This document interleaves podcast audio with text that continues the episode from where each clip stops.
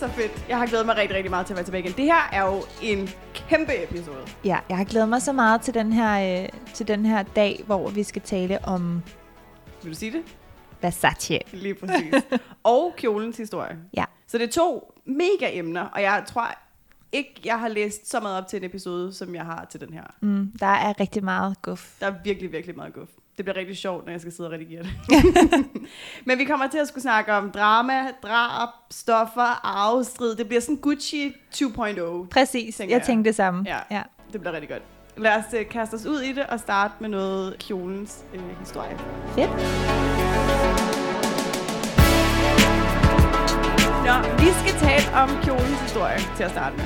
Mm. Og jeg har brugt lidt tid på at læse op på kjolens historie. Det tog cirka forever. Øh, men, øh, men, men nu føler jeg, at jeg sådan, har rimelig godt styr på det. Kjolen menes at stamme helt tilbage fra sumerianernes Mesopotamia. wow, kan vi lige få det stavet? nej, nej, overhovedet ikke. det er det, vi i dag kender som Irak. ja. Ja, så kjolen stammer fra oldtidens Irak. Øh, omkring år 3500 til 2500 før vores tidsregning. Så altså sådan, vi er virkelig, virkelig langt tilbage i historien. Ikke? Det menes, at øh, mænd og kvinder den her gang gik i øh, kjoler og skørter af enten uld eller foreskin. Uld var en af de store øh, produktioner, de havde øh, den her gang i oldtidens Irak. Øh, så det var meget naturligt, at det var det beklædning, de, de selvfølgelig også gik i. Ikke? Kvinderne menes at have været klædt i nederdele, og så enten en kappe eller en tunika over. Og generelt set var øh, længderne afstemt i forhold til køn og status og, og øh, erhverv. Okay. Så var man af højere status, var øh, skørterne længere, og var man af lavere status, var korterne selvfølgelig kortere. Så fordi at man sikkert havde råd til mere stof, kunne jeg forestille mig, så kunne du have råd til at have længere skørter måske? Øh, ja, ja. Ja. det tænker jeg. Ja. Men også, altså sådan, også i forhold til køn. Ja, Så, okay. øh, så mændenes var kortere. Mm. For eksempel også, hvis de, var, hvis de var meget i marken, eller arbejdede meget, eller var soldater, Mm. øh, så var de selvfølgelig kortere, så de kunne bevæge sig nemmere. Ikke? Og så var kjolerne, eller kvindernes var generelt længere. Okay. Øhm, og yderligere var de så også, udover det var opdelt i køn, var det også opdelt i rang. Ja. Øh, så sådan, der var ret mange forskellige længder, som de her ting kunne have. Ikke? Herefter i omkring år 1500 før vores tidsregning, altså i oldtidens Ægypten, blev øh, kjoler og beklædning i højere grad et produkt af religion og status. Mm. Så hvor det før var, var sådan lidt allemands ting, så blev det yderligere nuanceret i oldtidens Ægypten på religion og Okay. status. Det primære stof her var så lærred, da oldtidens øh, Ægypter opfattede uld som urent. Okay. Ja, så de bringer ligesom linned eller lærred ind i spil i, Ja. ja. i deres beklædning. Og de var ret øh, fingernemme, så man har fundet rigtig mange eksempler på, at øh, man her i den her tid begyndte at påsy både mønstre og perler. Generelt for alle er, at øh, lændeklædet, som vi snakker om i sidste episode også med Calvin Klein og undertøj, det, det har de selvfølgelig alle sammen på, og så har de så et skørt ud over. Og så var længden, også i oldtidens Ægypten, afhængig af, af status. Og flere fund fra gravsteder indikerer, at, at kvinder øh, med tiden iførte sig sådan nogle pyntede netkjoler. Så ud over de her lændeklæder og lærreds stofkjoler, whatever, ja. der har de så haft sådan en netkjole på. Og den her netkjole, den pyntede de med for eksempel perler eller påsyninger. Ej, det lyder eller faktisk ret alle flot. mulige interessante ting. Og det var så det, der udskilte dem fra hinanden. Ja. Så de kunne begynde ligesom at differentiere sig selv fra hinanden på de her netkjoler, fordi de alle sammen egentlig bare det samme Ja. indenunder. Ikke? Så det betyder også, at man lige pludselig kunne begynde at differentiere forskellige byer fra hinanden, fordi nogle byer jo så udsmykkede de her netkjoler på en bestemt måde. hvor er så det lidt ligesom sådan fantastisk. stammefolk, ja. ja. tænker jeg. Øhm, der blev de her netkjoler den måde, man kunne kende forskel ja. på forskellige byer og, øh, og landsamfund. Ej, en fantastisk historie. Fra Mesopotamia til øh, Ægypten hopper vi så videre til minoanerne, som stammer fra et område omkring Kreta i omkring 1150 før vores tidsregning. Hvor kjolen i højere grad bliver en separat nederdel og så en påsyd overdel, hvilket indikerer, at man på det her tidspunkt kunne sy. Hvor tidligere har det bare været bundet sammen eller foldet omkring, eller Nå. sådan, ja, foldet ind under, eller bundet omkring, eller sådan noget. Ikke? Ja. Så her kunne man rent faktisk sy. Og man kan også se det, fordi det fremgår af, af sådan afslutningerne på de forskellige øh, beklædningsgenstande. Ja. Så man kunne ligesom se på, på sømme, Mm. mm. at de var finere, og de var syet. Og man kunne se, at der ligesom i højere grad var syet ærmer på, eller der var syet folder på. Ja, så der har Øhm. ligesom været nogle afslutninger, i stedet for at det bare var... Ja. Det bare var et klæde, der bare var slynget ja. øh, rundt om dig. Ikke? Ja. Mm.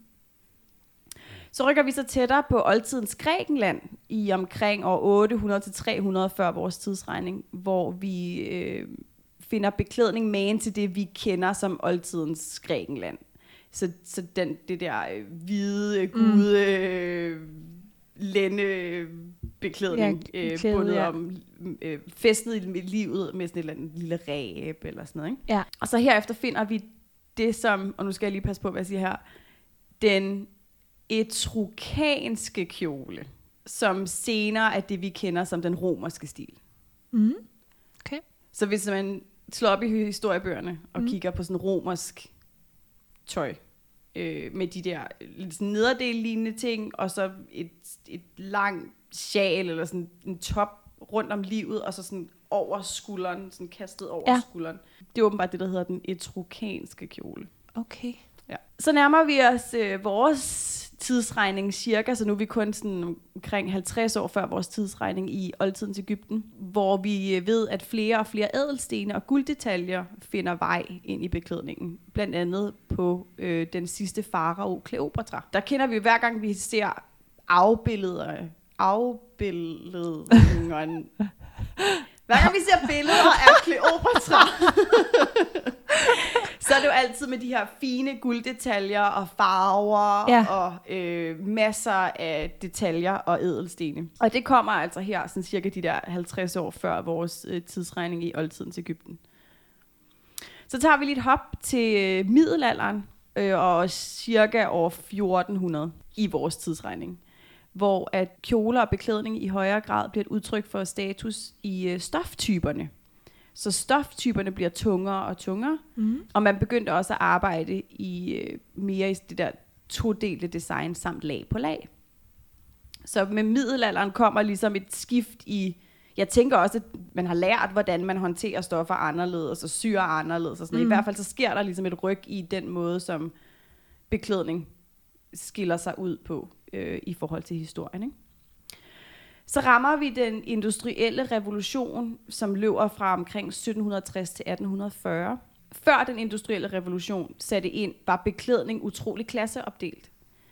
Stof var dyrt, og moden dikterede virkelig tunge stoffer, så det var kun de rigeste, der havde råd til øh, mere udvalg af tøj. Mm. Og kunne også ligesom have råd til flere farver og flere mønstre. Så de rigeste kvinder gik typisk i virkelig, virkelig tunge kjoler.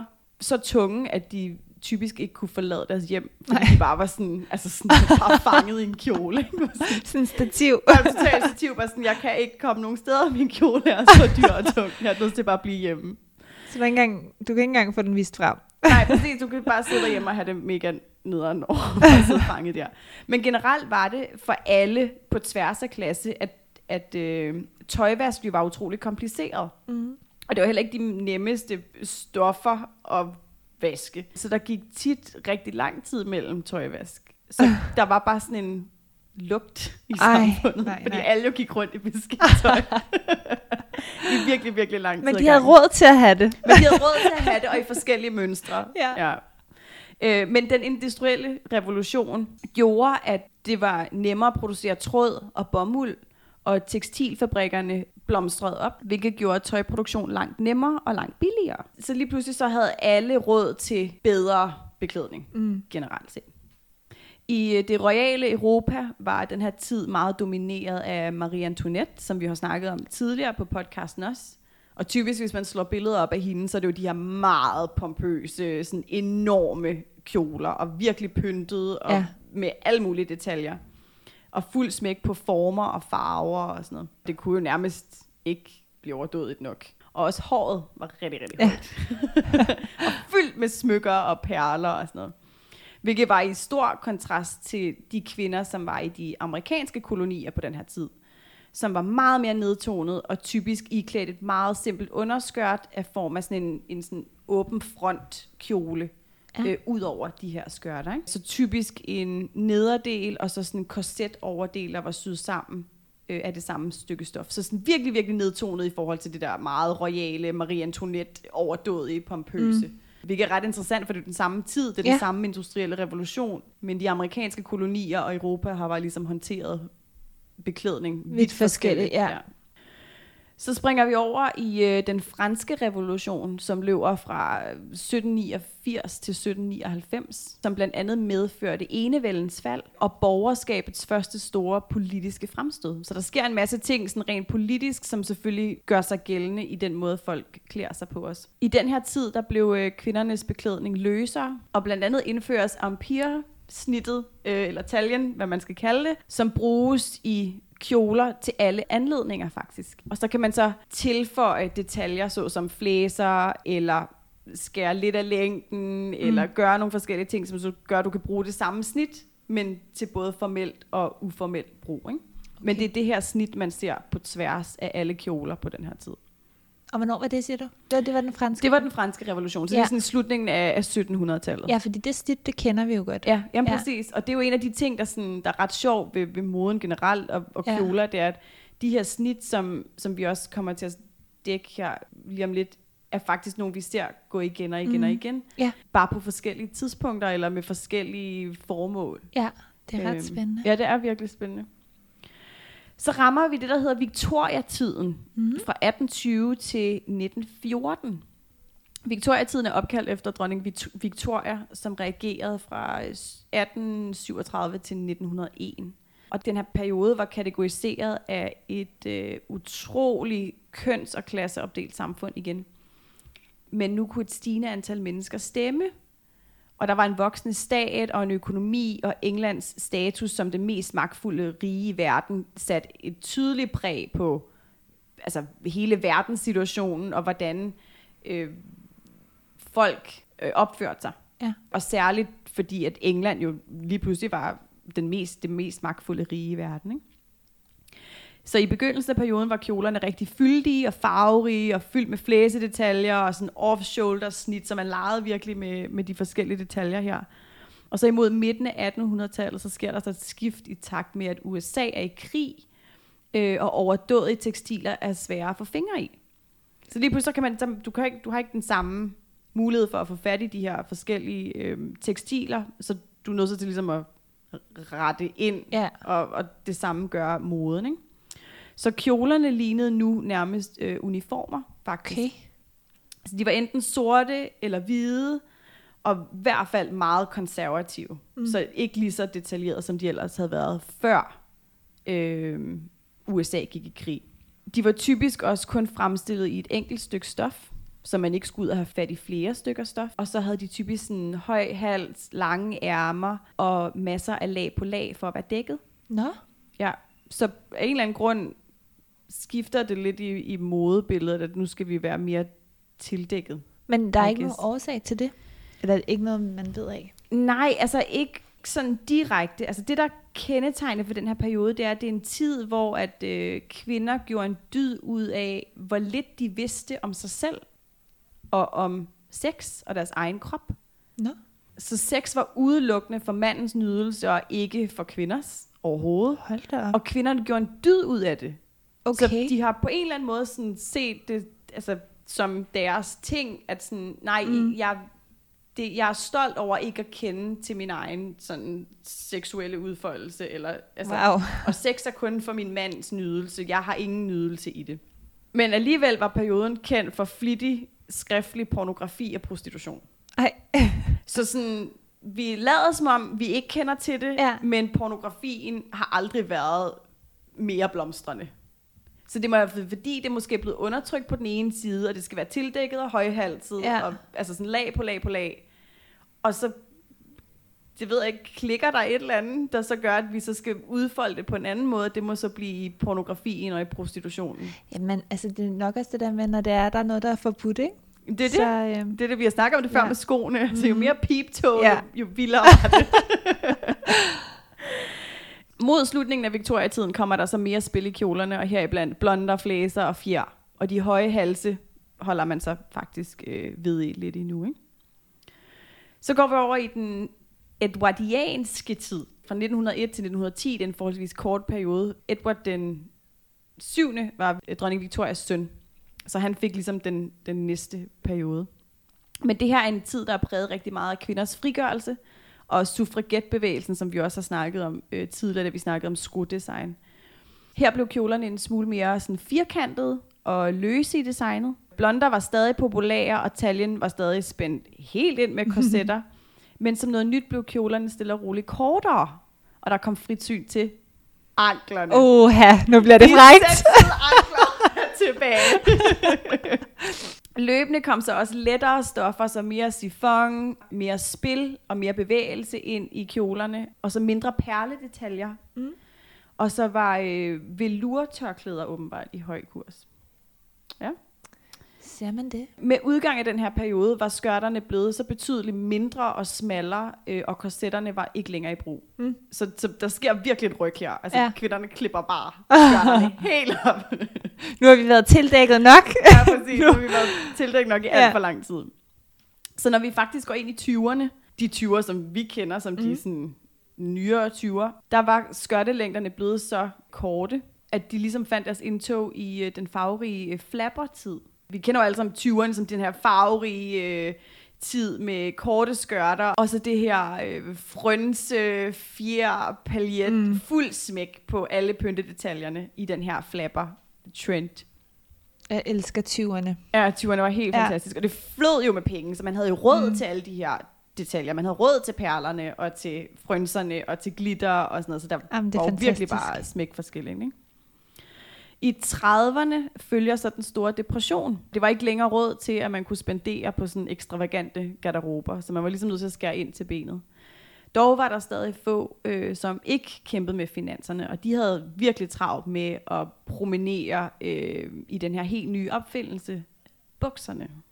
Nå, for søren. Ja. Jeg var faktisk ikke klar over, at bukserne sådan fik deres storhedstid i 30'erne. Nej, det vidste Men jeg heller ikke. I hvert fald i modebilledet blomstrede de op i depressionen efter de her meget farverige 20'er. Ikke? Moden blev herefter meget mere casual, og intet var mere trendy end en helt simpel kjole med et bælte i taljen og knapper op langs fronten. Ja. Helt basic. Mm. Helt casual. I 40'erne har vi så øh, 2. verdenskrig, som raserer, og der blev indført rationer på mange, mange råvarer, øh, og blandt andet også produkter og, og tekstiler. Så det betyder generelt, at genbrug og omsyning af tøj bliver virkelig populært. Nå. Og virkelig vinder frem. Generelt er kjolemoden øh, meget som i 30'erne, sådan A-line nederdele, øh, struktursyede sådan suit dresses, firkantede skuldre og bæltetaljer.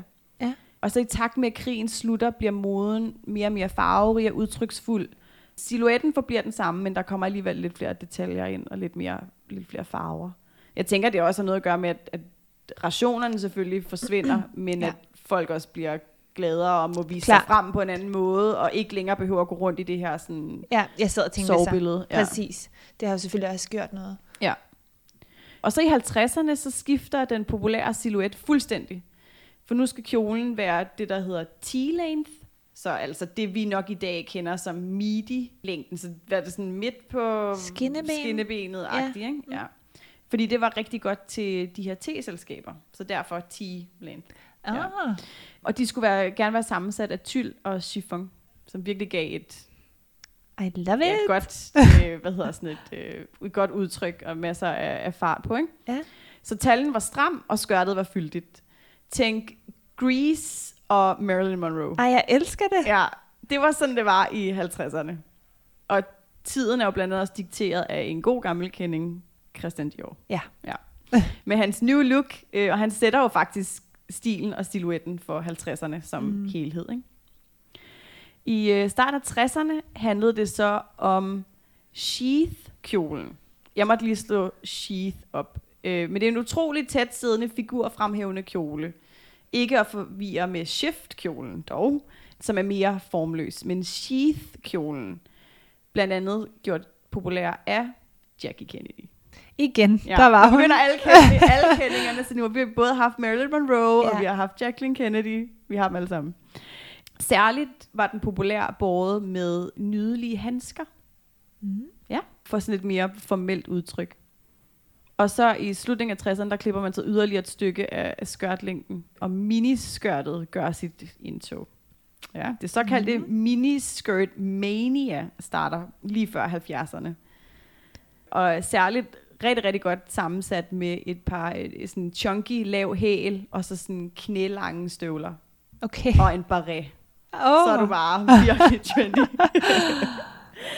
I, øh, I 70'erne kører miniskørtet bare der ud af, men bliver også lidt til en jumper dress, øh, som skulle bæres over en turtleneck, og så sådan en button-down bluse. Ah ja. Ja, Jeg vi kan godt kender se det. faktisk godt Ja. lidt det der t-shirt, eller langærmet turtleneck og en kjole ud over Mm. fra nyere tids Ja. modebillede. Øh, så der får vi igen sådan en revival. Bianca Jagger, for Mhm. eksempel, er, var virkelig stærk i 70'erne på Studio 54, Ja. eller 54, for at sige det korrekt. Også i det her øh, jumper dress, turtleneck. Ved du, hvem jeg også kommer til at tænke på? Jeg, jeg sidder og tænker på Twiggy. Var det ikke også meget hendes stil? Jo, Twiggy var meget, i hvert fald meget øh, minimalistisk, og det her meget øh, på, på det tidspunkt øh, kontroversielle korte hår, Ja. som hun virkelig var kendt for. Hun havde virkelig fedt look, by the way. Helt vildt. Ja, virkelig genial. Så hopper vi over i 80'erne, hvor skulderpuder og polkaprikker bare er the shit. Og jo større accessories, jo bedre. Øh, og selvom skuldrene var brede og puffede, så var kjolerne tit sådan ikonisk kejleformet. Så masser af fylde for oven, og så ret øh, tætte for neden. Og så begyndte man stille og roligt at nedtone print og detaljer mere. Og så er det så, vi går over i 90'erne, som var det her sådan årti, hvor vi gik væk fra over-the-top farverige, festlige detaljer, og så virkelig kørt minimalistisk og poleret. Ja. Så det her var spaghetti-stropperne og helt simpel satin eller silkekjoler, bare med en spaghetti-strop, Ja. var virkelig the shit. Og så måske bare lige et lille sjal over mm. skulderen. Der var der rigtig meget af, faktisk. Jamen det er det, ja. Ja. Da jeg læste, var jeg også lidt, gud, ja, det er Ja. rigtigt. Det var præcis sådan, kjolerne så ud i, i 90'erne. Mm. Og less was more her Ja. ja.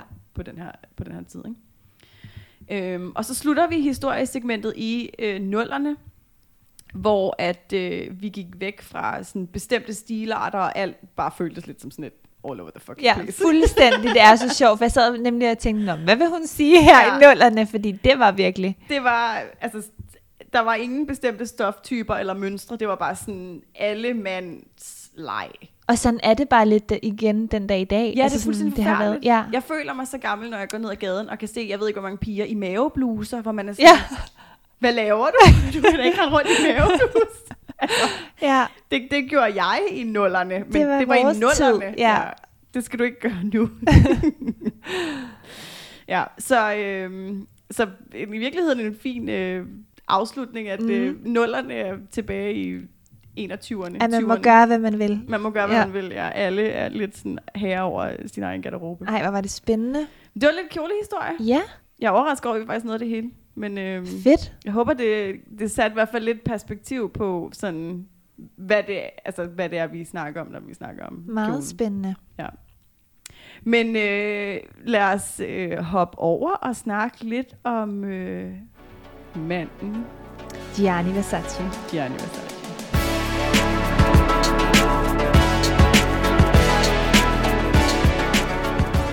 Ja, Isabel, du har læst lidt op om øh, Gianni Versace. Tell Det me all about it. Det har jeg i hvert fald. Det er en meget, meget spændende historie omkring Versace-huset. Fordi at øhm, det her, det er jo et kæmpestort italiensk modeimperium. Og det er blevet skabt af en mand ved navn Gianni Versace. Gianni han blev født den 2. december i 1946, og det gjorde han i den italienske by. Og jeg håber, jeg siger det rigtigt, men jeg vil udtale den Reggio di, Reggio. Reggio di Calabria. Reggio Ja. di Carabia. Åh, der var den, Ja. tak. Og der er han altså opvokset sammen med sin familie. Han havde en storesøster, der hed Tina. Hun øh, døde desværre i en meget, meget ung alder. Hun var kun 12 år gammel. Ej, hvor forfærdeligt. Ja, øhm, det var virkelig trist. Men han havde også en, øh, eller har en øh, storbror, der hedder Santo. Og så fik han så en lille søster, der hedder Donatella. Hans far var sælger, og hans mor var skrædder. Hun øh, lavede kjoler og havde faktisk også sin egen butik, hvor Gianni han brugte rigtig meget sin tid som barn. Øhm, og senere hen kom han også i lære i, øh, hos hans mor. Og øh, hans mor lavede så det her meget, meget flotte tøj til nogle meget smarte kvinder. Og øh, allerede der, der kunne han godt se, at det var det, han skulle. Han skulle simpelthen være modedesigner. Øhm, Versace han har altid hentet meget inspiration for, tilbage fra sin barndom og fra sin barndomsby. Og øh, da han var barn, der gik han rigtig meget rundt og kiggede på de her antikke og græske romerske ru- ruiner, hvor at nede i gulvet, der var der det her medusehoved. Mm. Og, øh, og det er så her, det kommer øh, fra, fordi han forelskede sig simpelthen i det her, øh, i, ja, i, i Medusa-logoet. Og, øh, og når jeg tænker Versace, så er det da helt klart også Medusa, jeg, 100 jeg kommer til at tænke ja, 100 på. procent, ja. Øhm, så det, der var i det, det var, at han blev så draget af det her motiv, at han øhm, lavede det til hans logo, som vi selvfølgelig kender det i dag. Og det øh, gjorde han, fordi, at som vi alle sammen ved, så Medusa, hun kunne jo forvandle mænd til sten, hvis man kiggede hende i øjnene. og øh, fordi hendes udlæggende skønhed, den fik alle til at blive forelsket i hende, så håbede han jo også, at det ville give den samme effekt ved hans tøj.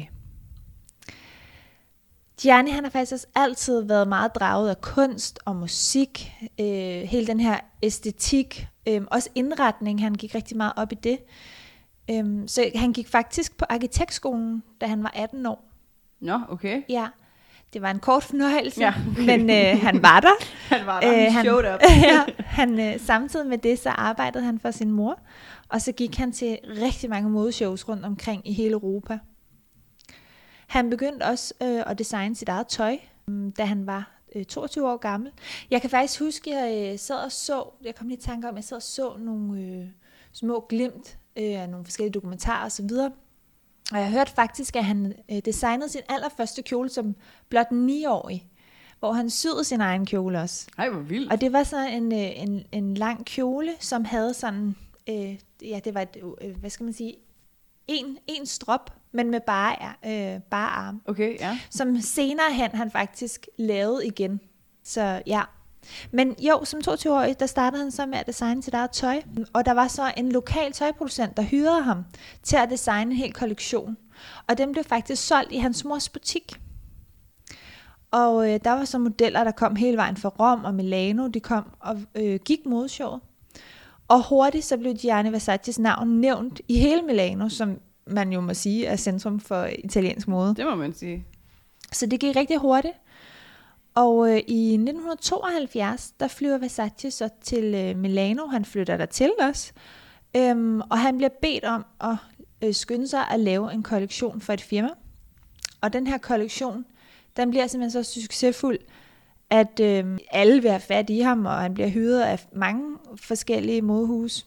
Men samtidig designer han så også sine egne kollektioner. Så i 1978, der stifter Gianni så sit eget firma.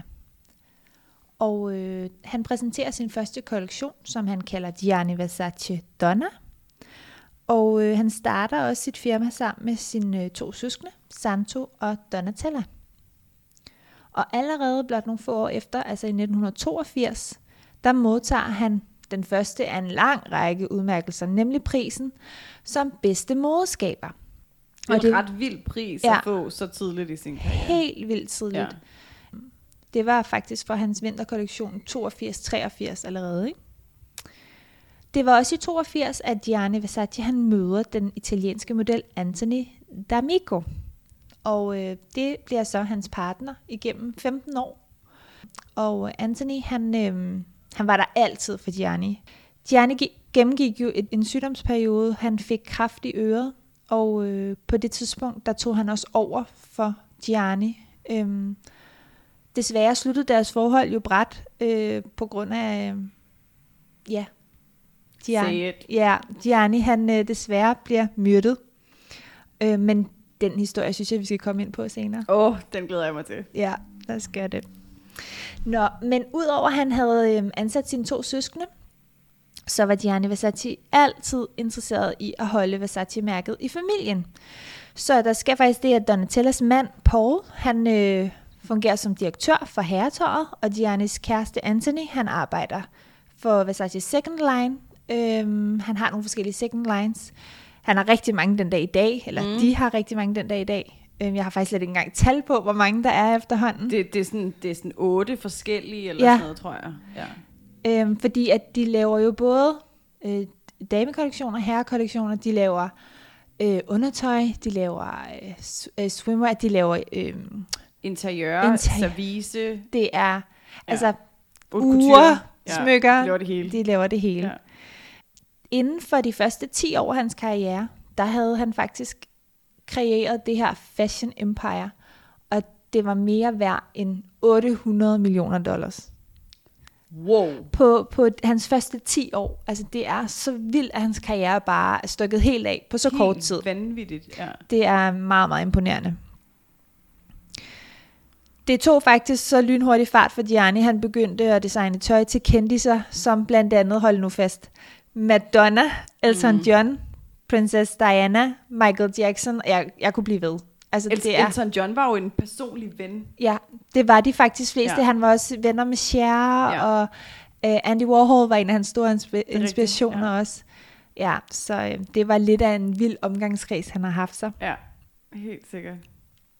Gianni Versace, han var faktisk utrolig innovativ også. Øh, Jeg tror også, det er en af årsagerne til, at han var så succesfuld, fordi at ikke blot med, at han var en dygtig designer, så øh, var han faktisk også en af de første designer, der præsenterede berømtheder i øh, marketingskampagner. Mm. Øh, han inviterede dem også til at sidde på forreste række til modeshowsene, og det var ikke rigtig noget, man havde set før. Øhm, og apropos kendiser, så, øh, så stod Gianni Versace bag et af de mest ikoniske modeøjeblikke, fordi i øh, 1994, der troppede Elizabeth Hurley op i en øh, utrolig udfordrende og sexet Versace-kjole til premieren på hendes kæreste, ingen ringer end Hugh Grant. Øh, den film, der hedder Four Weddings and a Funeral.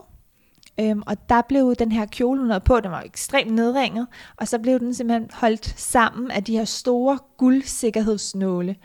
Øhm, og det gav både Hurley og Versace en masse medieopmærksomhed. Ja. Det er faktisk måske en af de her øh, kjoler, som har fået mest omtale, og den bliver faktisk også omtalt som that dress.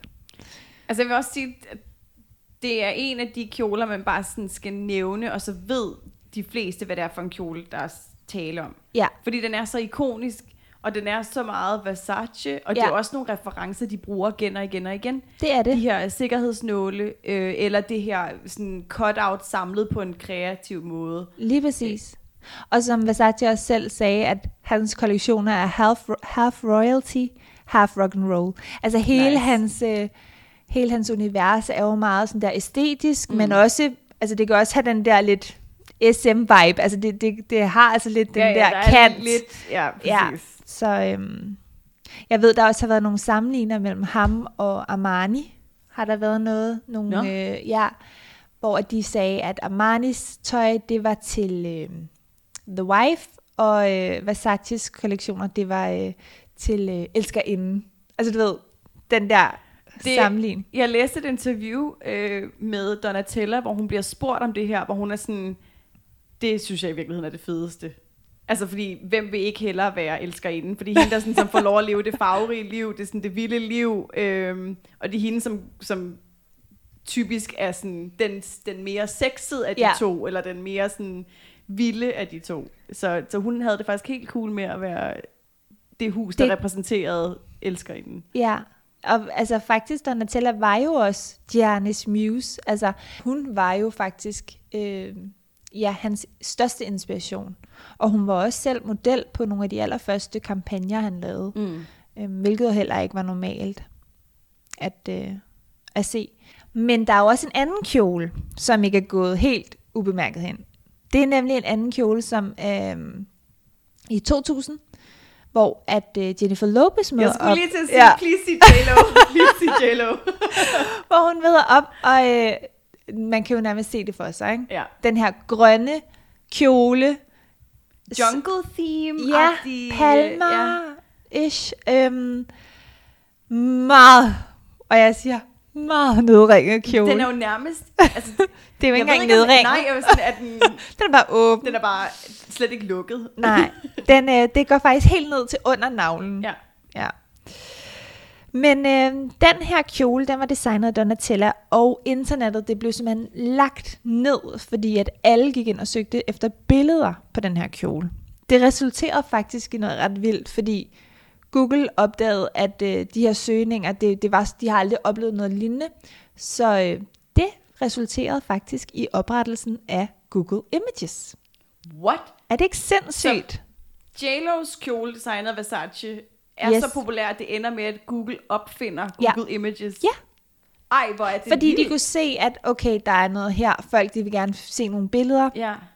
Altså, de her, altså der, der har aldrig været nogen søgninger, eller så mange søgninger på, på et bestemt, øh, hvad skal man sige? Ej, hvor vildt. Ja. Item, ja, det, det er helt vildt. Og oh, fun fact. Ja. Men øh, i 1997 der overtager Donatella øh, og Santo roret. Mm, Det er desværre her, øh, Gianni han øh, går bort. Og Donatella hun bliver udnævnt til modeimperiets nye kreative direktør. Det var jo oplagt, eftersom hun altid har været hans muse og inspiration, og hun har også altid været en stor del af designteamet, men hun har faktisk aldrig nogensinde selv syet noget. Det Har synes jeg ikke. er ret vildt. Ja. Men hun var jo altid hans inspirationskilde, og hun var jo altid, altså hun løb jo altid mellem kollektioner, og hun, mm. hun blev altid spurgt til råds, og hun, ville, hun spurgte jo altid ham til råds, men det er rigtigt, hun har aldrig siddet bag en symaskine. Det er det. Ja. Men det har så også været et kæmpe pres på hendes skuldre, fordi hun har, hun har skulle sørge for at have alle de her kollektioner klar, og det har jo ikke kun været øh, damekollektioner, det har jo været alle, på alle, par, altså sådan alle de forskellige øh, linjer, der har været. Øhm, og det har jo været en kæmpe stor mundfuld for hende, og det resulterer faktisk også, altså både det her pres, men også hans død, øh, det, det, endte jo, altså det endte jo fatalt, fordi at hun endte ud i et kæmpestort øh, kokainmisbrug. Og øh, det er jo klart, at hun har en kæmpe sorg, og det fylder jo utrolig meget. Øh, og det har jo så hjulpet hende øh, på at komme lettere igennem hendes dage, sagde hun, at det, altså, når hun var påvirket, så, så kunne hun nemmere komme igennem tingene. Ja. Øh, mega forfærdeligt, for hun har også to børn, hun selvfølgelig også skal sørge for. Ikke, ikke nok med det, på det her tidspunkt blev hun faktisk også skilt. Øh, så det hele ramler jo bare, og hendes børn, de synes også, at hun øh, begyndte at blive aggressiv, og de er faktisk bange for hende. Så det, der sker, det er i øh, 2004, der øh, laver hendes børn i, jeg skulle til at sige samarbejde, men sammen med Elton John, Mm. går de faktisk sammen og laver en uh, intervention. Hvad hedder det? Intervention? Jeg Hedder ved det ikke, hvad det hedder på dansk. Ja, en, Ja. men en intervention. Ja. Øhm, og det er faktisk på hendes datter Allegre, eller Allegra, Allegra? Allegra. Ja, Allegras øhm, 18-års fødselsdag. Så de får hende i et be- behandlingssted i Arizona, og det øh, hjælper faktisk, øh, fordi hun har været clean lige siden. Men Allegra, hun øh, havde altså også nogle ting selv, hun øh, gik og bøvlede lidt med. Der var lige nogle mørke sider der, fordi at øh, der går nogle rygter om, at hun skulle have spiseværing. Og i år 2007, der indrømmer familien faktisk også, at, de, øh, at hun har kæmpet i flere år med anoreksi og, øh, og kommer også i behandling for det. Så der har været lidt at kæmpe med. Altså jeg vil sige, hvis man bare sådan googler Mm. Allegra Versace, Ja. altså sådan, der er no doubt about it. Mm. Hun er, altså, hun er, det er som at se knogler på Ja. Google Image Search. Altså, du kunne lige så godt lave en search på knogler. Ja, Hun er så tynd. Altså, hun er skin og ben, og det er, altså, det er virkelig tragisk. Du kunne næsten Det se det. på sådan, altså hendes øjne og hendes hud, altså sådan, at hun, hun ikke har det godt. præcis. Ja, men det har jo det så frygteligt. tydeligvis sat sine spor også. Ikke? Mm, klart. Det har været hårdt for dem alle sammen. Men hvis vi lige spoler tilbage til 2000, så øhm, sker der det, at øh, det, det går faktisk ikke super godt der i starten af 2000'erne, eller i nullerne. Øhm, så de vælger at sælge nogle aktier. Der er øh, et firma, der hedder Blackstone Group, der køber 20 procent. Og senere, altså i 2018, der bliver Versace solgt for et sindssygt beløb. De bliver solgt for 13 milliarder kroner. Wow! 13 milliarder Altså kroner. kroner. kroner. Okay. Jeg kan huske, jeg, jeg stod faktisk nede i Versace Showroom, da de annoncerede den her nyhed. Og øh, det var Michael Kors, der gik ind og opkøbte Versace. Og øh, det sker faktisk lige efter, at han også har været øh, inde og opkøbe øh, Jimmy Choo. Aha. Yes. Okay. Så han har haft en stor pengepunkt op ad lommen. Ja. Men de var glade, og øh, jeg kan huske, de var meget glade, og øh, Donatella, hun, øh, hun er der stadig. Altså hun fungerer stadig som øh, kreativ direktør øh, for, for virksomheden. Noget, jeg sådan, synes er virkelig sjovt omkring Michael Kors, ikke? Altså sådan, han har jo tydeligvis været inde over i mange år, og mm. stadigvæk en relevant figur. Jeg har aldrig nogensinde kunne lide hans designs. Nej. Og jeg synes ikke, hans kommercielle linjer med det der MK, Mm. jeg synes overhovedet, jeg synes, det tiltaler mig slet ikke. Nej, Nej men der, der er Men også der må være penge i det, altså siden han kan blande sig i de lag. Jamen, det kom da også helt vildt meget bag på mig. Det var ham, der stod bag. Ja. Altså, Ja. det, det er helt vildt. Ja, Men øhm, ja, han kan åbenbart noget, den mand. det kan han. Men skal vi ikke øh, hoppe ud i... Øh, Noget drama, ja, nogle intriger, noget afstrid. Jo, jeg synes, vi skal gøre det. Lad os gøre det. Nå, Isabel, øh, vi skal snakke lidt om øh, drabet på Gianni Versace. Ja. Vi skal tilbage til 1997. Det er den 15. juli, og øh, Gianni han er i sin bolig i Miami. Og normalt så plejer han at få sin assistent til at hente hans morgenavis, men ikke den her morgen. Det skulle øh, vise sig at være en øh, virkelig dårlig beslutning. øhm, på vej øh, hjem tilbage, de her meget få 100 meter, han skulle gå, der er op, på vej op ad hans trappe ind til hans kæmpe mansion her, der kommer der så en mand ved navn Andrew Cunanan og skyder Gianni en gang i hovedet, og så derefter en gang i ansigtet. Og han løber så væk fra gerningsstedet, og øh, det kommer så til at blive en meget dyster fortælling, fordi det er ikke hans første mor. Fordi øh, 27-årige øh, Andrew, han har en øh, måned for inden det her, der er han altså blevet plastret til på FBI's liste over de 10 mest eftersøgte i USA. Fordi han havde begået fire andre mor, og øh, det gør altså, at der bliver øh, lavet den her manhunt på Andrew Cunanan. Det lyder ret vildt. Ja, det er også lidt uhyggeligt, fordi at i tilbage i hans skoletid blev han, øh, både lærerne og eleverne, der blev han faktisk kåret til at være en af dem, som man altid vil huske. Øhm, og det må man jo sige, at øh, han, Au, at han au, bliver, au. men det er jo så for det her mm, helt forfærdelige øh, uhør, ja. vil jeg faktisk kalde ham.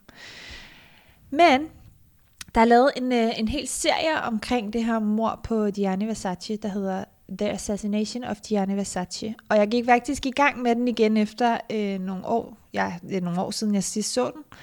Øhm, der er ni afsnit. Det havde jeg faktisk glemt, fordi de alle sammen var altså en time hver. Så øhm, Der er ni timer serie, jeg går i gang med det. der er ni timer, men Wow. den, det er alle ni timer hver. Den er okay. utrolig spændende og ekstremt realistisk, fordi de her skuespillere, de gør det så godt. Øhm, de ligner dem på en prik også. Og jeg kan huske, at øhm, hans partner bliver spillet af Ricky Martin, Mm. og hende, der spiller Donatella, er Penelope Cruz. så, men de gør det virkelig, virkelig godt, så den skal man altså lige gå ind og se. Nå, det er en god anbefaling. Ja, man, man får også et indblik af, hvordan hans liv er, og hvordan Andrew Cunanan han er som person, og hvordan han faktisk dræber de her fem ofre. Man finder faktisk ikke- aldrig rigtig ud af motivet på drabene. Okay. Øhm, men der er jo en masse gissninger, som vi Ja. kan komme ind på senere. Øh, blandt andet, øh, en, et af mordene er på, på en 72-årig mand, øh, der hedder Lee. Og øh, Lee, han var øh, mange millionær, han var byggematador, og han blev altså fundet øh, derhjemme i hans garage. Han var simpelthen blevet tortureret, og altså, jeg, kan, jeg kan næsten ikke engang få mig selv til at sige alle de her ting, som skete med ham, fordi det er meget, meget voldsomt. Og øh, jeg kan huske, i serien finder man også ud af, at han, efter han har slået ham her lige ihjel, der ligger han øh, homoseksuelle pornoblade rundt omkring ham og sådan noget. Og ham her lige har altså en kone, hun er bare ude at rejse, så hun kommer hjem, og, og de finder ham jo så ude i garagen med det her, de her homoseksuelle øh, pornoblade, hvor at hun, altså sådan, hun forstår jo ikke, her? ja, Ja, hvad ja. sker der her? Øhm, det var faktisk sådan, at han havde et forhold til ham med Andrew øh, Cunanan. Øh, jeg tror umiddelbart lidt, at han har været en øh, prostitueret. Ja. Og øh, han, jeg tror faktisk lidt, at han har, han har været lidt forelsket i Andrew. Øhm, Okay. Så han levede lidt det her dobbeltliv, men, øh, men konen vidste selvfølgelig ikke noget om det. Og det er jo bare... Ikke før hun kom hjem Ikke før hun kom hjem, men, men det vil han så åbenbart gerne have ud. Så øh, finder man også en portner, som bliver dræbt, og det er faktisk også en henrettelse. Han bliver bare bedt om at gå ned på alle fire og bliver dræbt med et skud i nakken. Og øhm, vi hopper lige videre til øh, selve mordet på Gianni Versace. Det var jo som sagt i Miami. Og øh, det der sker, det er, at Andrew han indlogerer sig på et hotel i nærheden, og øh, booker sig ind under et dæknavn. Og han henvender sig faktisk det her sted, hvor det er, han køber sin, øh, sine morgenaviser. En halv time før, at Gianni Versace normalt kom for at købe sine daglige aviser. Og, og dagen efter er faktisk der, han slår til og slår Versace ihjel. Okay, så han tager lige ned og ligesom Mm.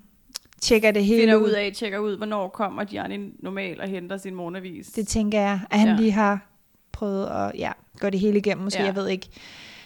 Otte dage senere, der bliver han fundet. De fanger ham desværre aldrig før. altså Andrew. ja, Ja. der finder de ham i en øh, husbåd øh, i Miami Beach, og øh, de finder ham så død. Han har simpelthen skudt sig selv i munden. Øhm, med den samme pistol, han faktisk skød Gianni Versace med. Jamen, så fik man ligesom de to ting koblet sammen. Ja, præcis. Det var ret interessant, for jeg læste om det her drab også, og man troede jo i starten, altså motivet er jo stadigvæk sådan lidt up Mm. for debate. Ja. Man troede jo i starten, at det muligvis var noget mafia-relateret, fordi man åbenbart finder en fugl, en død. Mm. fugl ved siden af Giannis lig. Ja, en hvid due, mener jeg, det var. Øhm, og det er åbenbart et symbol på, at, at det skulle være mafia-relateret. Ja, Ja. præcis. Men Det viser sig så, at den her fugl alt andet lige bare er blevet ramt af brudstykker af de her øh, projektiler. Ja, Øh, så fuglen var bare på et virkelig dårligt sted på et rigtig dårligt tidspunkt, Ja. og er helt tilfældigt en del af scenen. lige præcis. Men man når i hvert fald lige at tænke også, manden er jo italiener, mafia-relateret. Måske mm. han Mhm. skylder nogle penge, som ikke ved, nogen ved noget om. Ja. Øh, han var jo meget kunstinteresseret. Har en kæmpe mansion i, i Miami, så der er ikke noget at sige til, at man ligesom har sådan skulle koble nogle forskellige ting. Ja. Og så i det, man ser en død, hvid due, så tænker man mafia. ja, ja, lige præcis. Også fordi der netop ikke var rigtig noget motiv. Så altså, Ja. de, man har jo skulle gå det hele igennem. Ja. Der var også noget omkring noget HIV. Nogle rygter omkring noget HIV. Ja, altså han havde jo den her, øh, han i hvert fald diagnostiseret for ørekræft, Mm. og var syg kort tid op til, at han også dør. Men der har jo været rigtig mange spekulationer efterfølgende, om han i virkeligheden også var smittet med HIV. Ja, For det er noget, familien ikke har ville. De har i hvert fald afkræftet, eller i hvert fald været ude at sige, at han havde ikke HIV. ja. Men alligevel er der jo nogen, der bliver ved med at sådan grave i det og tænke, om han havde HIV. Så der må være, måske være noget om det. Ja, og det er jo ikke nødvendigvis, at man fortæller det til sin familie, hvis man har. Det Nej. kan jeg forestille mig. Ja. Øhm, jeg læste på et tidspunkt et sted, at, øh, at Andrew Cunanan, han havde fået HIV, og at han... Og det måske kunne være et motiv til nogle af alle de her drab, at han ville finde ud af, hvem der faktisk havde smittet ham, og det ligesom var hævn på den måde. Og det er et vildt plot. Ja. okay. Øhm, og det tager mig jo så videre til, at der har jo også været nogle spekulationer omkring, en kendte Andrew Cunanan overhovedet Gianni Versace. Mm. Har de nogensinde mødt hinanden? Mm. Og øh, så vidt jeg kunne forstå, bekræfter familien, tror jeg, at de havde mødtes en enkelt gang Ja. på et teater øh, backstage, Ja. ja. øh, hvor det var, at øh, Gianni han stod for, øh, for kostymerne der. Very likely. Ja. ja. Øhm, men, men mere øh, detaljeret, det, det får man egentlig ikke Nej. rigtig bekræftet eller noget. Nej. Så øh, om de har haft en affære, eller det tænker jeg ikke, men om de har, har haft et indgangsknald, det kan da godt være. Altså, de var et ret åbent øh, forhold. ja, de var nemlig Ja, så. Der var blandt andet øh, rygter om på et tidspunkt, at det var åbenbart et, et, sådan et kendt faktum, at Gianni havde en dørmand, hvis eneste formål var ligesom at rekruttere sexpartnere til hans forhold i 90'erne. okay. så var altså, de har, mig. de har levet i et eller andet åbent forhold. Så Ja. HIV også i, altså på det her tidspunkt kunne snilt mm. have været en del af, Mm. af, af cocktailen også, ikke? Jo, præcis. Meget barsk. Men hans øh, søster, apropos øh, sygdom, og så kæmpede hans søster også lidt med et øh, 18 år langt Mm. misbrug. Øh, kokainmisbrug, som du også nævnte tidligere, som jo faktisk altså, raserede hele huset og ødelagde hendes forhold, både til hendes, øh, hendes mand, og jo næsten kostede hele Versace overlevelsen. Ikke? Jo, Blandt andet var hendes stof. stofmisbrug. Det var typisk noget, hun gjorde, når hun var i USA. Så på en eller anden måde har hun fået det koblet sammen med, når hun var i USA, så var det her, hvor hun levede den her vilde, det her vilde misbrugsliv. For det var her, hun havde åbenbart mere eller bedre adgang til, til stofferne. Ja. Og det vidste Elton John blandt andet, som jo var rigtig tæt ven med Gianni. Mm. Så øh, han kunne godt finde på ligesom at sige til Gianni, at, at om han godt var klar over, at Donatella var altså, til grin i USA. Fordi hun var det her spøgelse af sig selv, og det var en livsstil, hun typisk kun havde, når hun var derovre, for der kunne hun have det for sig selv. Mm. Der havde hun ikke hele sit team med sig, og der var hun mere alene. Så når hun endelig var i USA, så fik den også bare sådan fuld smæk på, ja. på kokainmisbruget. Og blandt andet så er der flere, der, der beretter, at hun havde sådan et, øh, et sådan kodeord for kokain. Så når hun for eksempel kom ind på en, øh, en klub, eller et, et rum, eller en fest, eller whatever, så kunne hun finde på at sige, do I smell Chanel? Ej, det er så sindssygt. Og det var kodeord for, er der noget coke her? Er der nogen, der har coke? Ej, Ja. wow. Tænk, at du har det der kodeord for det. Men det, jeg synes, det er frygteligt. Altså, det, det, det er forfærdeligt, at, øh, at hun har været ude i det her misbrug, og gudskelov bliver det jo øh, stoppet i tide. Helt sikkert, som, som du nævnte tidligere, så Mm. laver de jo den her intervention på hende, Ja. øh, og sender hende til Arizona. Og det slutter jo så hendes, hendes 18 år lange, Kamp, må man sige. lange der. kamp med, med stofferne, og hun er heldigvis clean nu. Men altså, hvis vi bare lige skal snakke om hende, og, og hvordan hun ser ud, altså hun... Hun har et look. Ja, Skal vi sige det sådan? det, det har Du er ikke i tvivl om, at det er Donatella, du kigger på, når du, øh, når du ser hende på billeder. Nej, det er det ikke. Det, jeg synes bare, det er vildt at se, fra da hun var yngre til nu, Ja. hvad der, hvor meget der egentlig er sket. Ja. Hun har jo aldrig været den her sådan billedsmukke Mm. øh, kvinde. Mm. Øh, og det var også en af de ting, som jeg tror, at Gianni var rigtig tiltrukket af, at hun var sådan lidt en særlig karakter, og hun Mm. havde sådan et særligt udtryk. Men hun har jo altid været platinblond, og det var åbenbart Ja. noget, han fik overtalt hende til i sin tid, da de legede, sådan, da, han var hendes, da hun var hans muse. Hvor at han på en eller anden måde fik hende overtalt til at, at farve det platinblond og lege med Men det, det, på er den også, måde. men det er da kun, jeg synes kun, det er fedt, for det gør han virkelig meget også til en type, ikke? For jeg kunne Helt ikke vildt. forestille mig hende med leverpostejsfarvet hår, vel? Nej. Altså, så vil hun bare ikke være sådan... Men hun siger også, hun har udtalt i interviews, at, at hun er blevet spurgt, sådan, kan du forestille dig nogensinde ikke at altså, være blondine, mm. hvor Mm. hun sådan, så kan jeg jo ikke genkende mig selv i Nej, spejlet. nej, Altså hun har jo nærmest aldrig set sig selv ikke være blondine. nej. Øh, og, og, og virkelig platin, platin blondine. Mm. Og, og som hun også siger i det der interview, altså sådan, Karl Lagerfeld kunne nærmest ikke se sig selv i spejlet uden solbriller. Nej, Så, og hun kan heller ikke kende sig selv i spejlet uden det platinblonde hår. jeg elsker, når folk, de har, altså, de har den der, jeg plejer altid at kalde det type. Ja. Øhm, det, jeg elsker det, at ja. Man bare er sig selv. ja. Og ligesom hun har håret, så går hun altid stiletter. Ja, Hun, hun nægter at gå i flade sko. Selv på en søndag derhjemme render hun rundt i stiletter. ja, Og en af de Jeg ting, som hun det. nævnte, da hun, altså i senere interviews, hvor hun fortæller om den gang, hun blev, øh, med den der intervention, hvor hun blev øh, indlagt, hvor hun åbenbart var iklædt en eller anden guldkjole øh, til den her fødselsdag, den her 18-års fødselsdag, Nå, og så ja, laver okay. de den her intervention, og så klæder hun selvfølgelig om, og så spørger intervieweren sådan, Nå, men tog du så også flade sko på? Og så hun sådan, no, never. Jeg har aldrig flade sko, jeg har altid stiletter på. der gik grænsen altså. Præcis, så når hun tjekker ind på hendes rehab-klinik, er hun i stiletter. Ej, men det er fantastisk. Det synes jeg egentlig er meget fedt. Det er helt vildt. Og så den der helt, helt sorte makeup eyeliner, ikke? Ja, den er er, der også. virkelig sådan meget, Ja, ja, meget tung intenst, øjenmakeup. ja. Ja. Hun er virkelig en karakter. Det er, Det er meget fedt. Og jeg kan meget godt lide, at hun bare sådan står ved den, Ja, og hun ikke altså, tænker, ej, nu er tiden også noget andet. Hun Mm. står bare ved sit look. det gør hun virkelig. Efter øh, Giannis død, der øh, er der jo nogle aftager. Det har vi faktisk ikke... Øh... Det har vi faktisk ikke rørt endnu. Nej. Nej. Han skriver jo et testamente. Mm.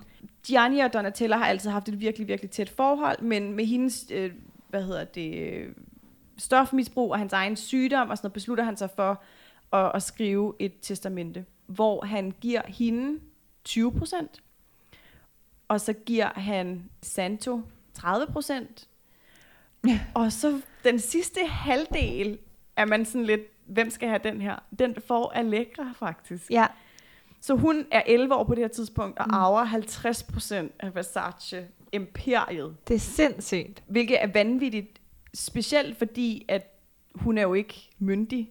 Nej, og jeg tænker, hvad med Daniel, som er hendes bror? Stakkels Han ham. arver al øh, Kunst. Versaces kunst, Ja. lige præcis, som skulle have en eller anden latterlig vild million øh, værdi. Ja, Så jeg er sikker på, at han ikke er blevet helt snydt, og så er han jo så nok alligevel, fordi Versace er et kæmpe... altså som, som 18-årig får hun jo... Øh, der er firmaet jo, hvad var det, 800 milliarder værd Ja, eller sådan noget, ikke? muligvis, Altså, ja. så det, Ja. altså, ja, det er helt Men også helt et sindssygt pres at lægge på sådan en, en 11-årig Ja. pige, som altså, så er 18 år, da hun bliver myndig og Mm. ligesom overtager hendes egen del. Men, men Dollatella skal jo varetage datterens Mm, ejerandel, mens hun ikke er myndig. Ikke? jo, Så hun så sidder på øh, 70 procent, og Santos sidder på, på, på 30. mm, Øhm, og også bare et helt sindssygt pres, der ligger på Donatella i den her Ja. tid, fordi hendes bror har skabt det her fænomen og legende af en virksomhed og en designlinje, som hun nu skal overtage. Hun har jo som sagt aldrig nogensinde siddet bag en symaskine. mm, Hun har aldrig designet tøj selv på nær den øh, linje, der hedder Versus, ja, det er rigtigt. som var hendes. ja, Og lige pludselig står hun jo både for, for haute couture-delen, Mm. og hun står for sådan mandedelen og her. ja, og hun øh, vil jo selvfølgelig gerne løfte det for ham også, ja. Ja. selvom han er gået bort, så er Ja. der altså... Jo, og de første kollektioner efterfølgende bliver hun jo havlet ned for. Mm, Fordi hun prøver at være noget, som hun ikke er, og hun prøver at være det, som hun tror, han var. ja, Øh, så det tager hende jo et par kollektioner og nogle år ligesom at kalibrere, når, hvad Klart. er det egentlig, Versace skal være. ja, hvilken vej skal hun gå? Det er da klart, at man lige Ja. skal finde ud af det. Plus at, at hun skal så også lige slutte den kamel, der hedder, at sådan, hvorfor har min datter arvet 50? Ja. Jeg har 20, og min bror har 30. Ja. Hvorfor har jeg den mindste del? Mm. Så øh, der, Og, og så var der jo også hans partner, Antonio. Han, han, han skal jo også arve noget. Han arver jo, øh, eller hvad skal man sige, han bliver efterladt med en øh, månedspension på godt og vel 182.000 kroner resten af sit liv. Og retten til at bo i et af, hans, øh, et af Versaces øh, mange hjem i enten Italien eller USA. okay, ikke det værste. Men, Nå, okay, Der der, er kommer mere. men. Der kommer mere.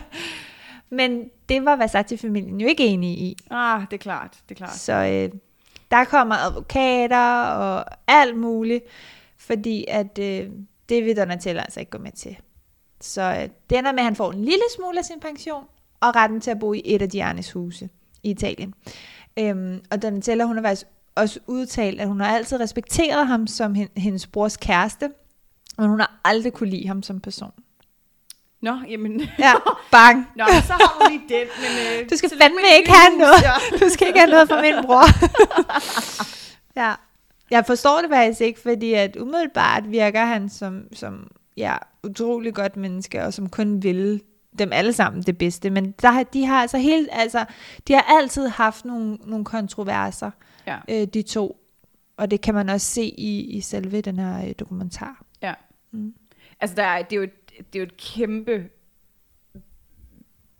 emne. Mm. Altså Versace det hele taget, og alle de her dokumentarer og bøger, og altså, der findes jo podcast og bøger og serier og dokumentarer, og jeg ved ikke, altså, der har været rigeligt at grave i den her Ja, det har der vil jeg virkelig. sige. Det har været så spændende. Men jeg føler til gengæld også, at vi har været omkring det. Mm. Det har vi. Så skal vi slå en krølle på øh, Versaces historie Ja, det gør vi. og episode 2 Mm. af Podcast. Det har virkelig Det har virkelig sjovt. Det var Versace. Ja. Ej, hvor jeg, altså sådan, virkelig spændende, men jeg er også lidt glad for den overstået. Jeg følte lidt, det var et bjerg, der skulle bestiges, da vi skulle til at læse op til den. Er det rigtigt? Jeg, ja. Synes, jeg synes, det var en fornøjelse uden lige. Jamen, det var det også, Ja. men, men kender du det, når man står foran, og man Ja. bare tænker sådan, shit, der er bare... Altså, jeg kan, jeg kan starte nu, og så er jeg først færdig om tre år. Ja, det er også fordi, at hvor skal man starte henne, ikke? Ja, præcis. Ja. Det var lidt... Øh, men virkelig, virkelig spændende. Mm. I øh, næste uge skal vi snakke om Givenchy, Ja. Og helt specifikt øh, nederdelen som beklædningsgenstand. Ah, men jeg glæder mig så meget ja. Til at læse op. Det er et modehus, jeg glæder mig rigtig meget til at Ja, læse op på. Fordi også. det ved jeg faktisk slet Nej. ikke noget om. Nej, det er også øh, det er nyt for mig. Spændende. Det bliver godt. Men øh, i mellemtiden, så skal man huske at subscribe til podcasten, og man skal leave et review, hvis man har lyst til det, og ellers kan man bare trykke på de der flotte stjerner, som er nederst i appen. Og så skal man følge os. Ja, på Instagram, hvor vi hedder The Fat Cat Podcast. Og vi har også en hjemmeside nu. Ja, Ja, det har vi ikke. Det havde vi ikke i sidste sæsoner. vi havde, vi havde domænet, vi havde bare ikke lige helt fået lavet hjemmesiden. Det har vi nu. ja. Og den hedder thefatcatpodcast.dk, og der kan man altid finde vores øh, seneste episoder. Og så var det heller ikke længe, før vi begynder at lægge alle vores episoder op på YouTube, så man kan finde dem frem der. Så øh, følg med alle steder. Vi glæder os rigtig meget til at se jer næste uge. Og tak endnu en gang, fordi I lytter. Præcis. Ha' det godt. Hej hej.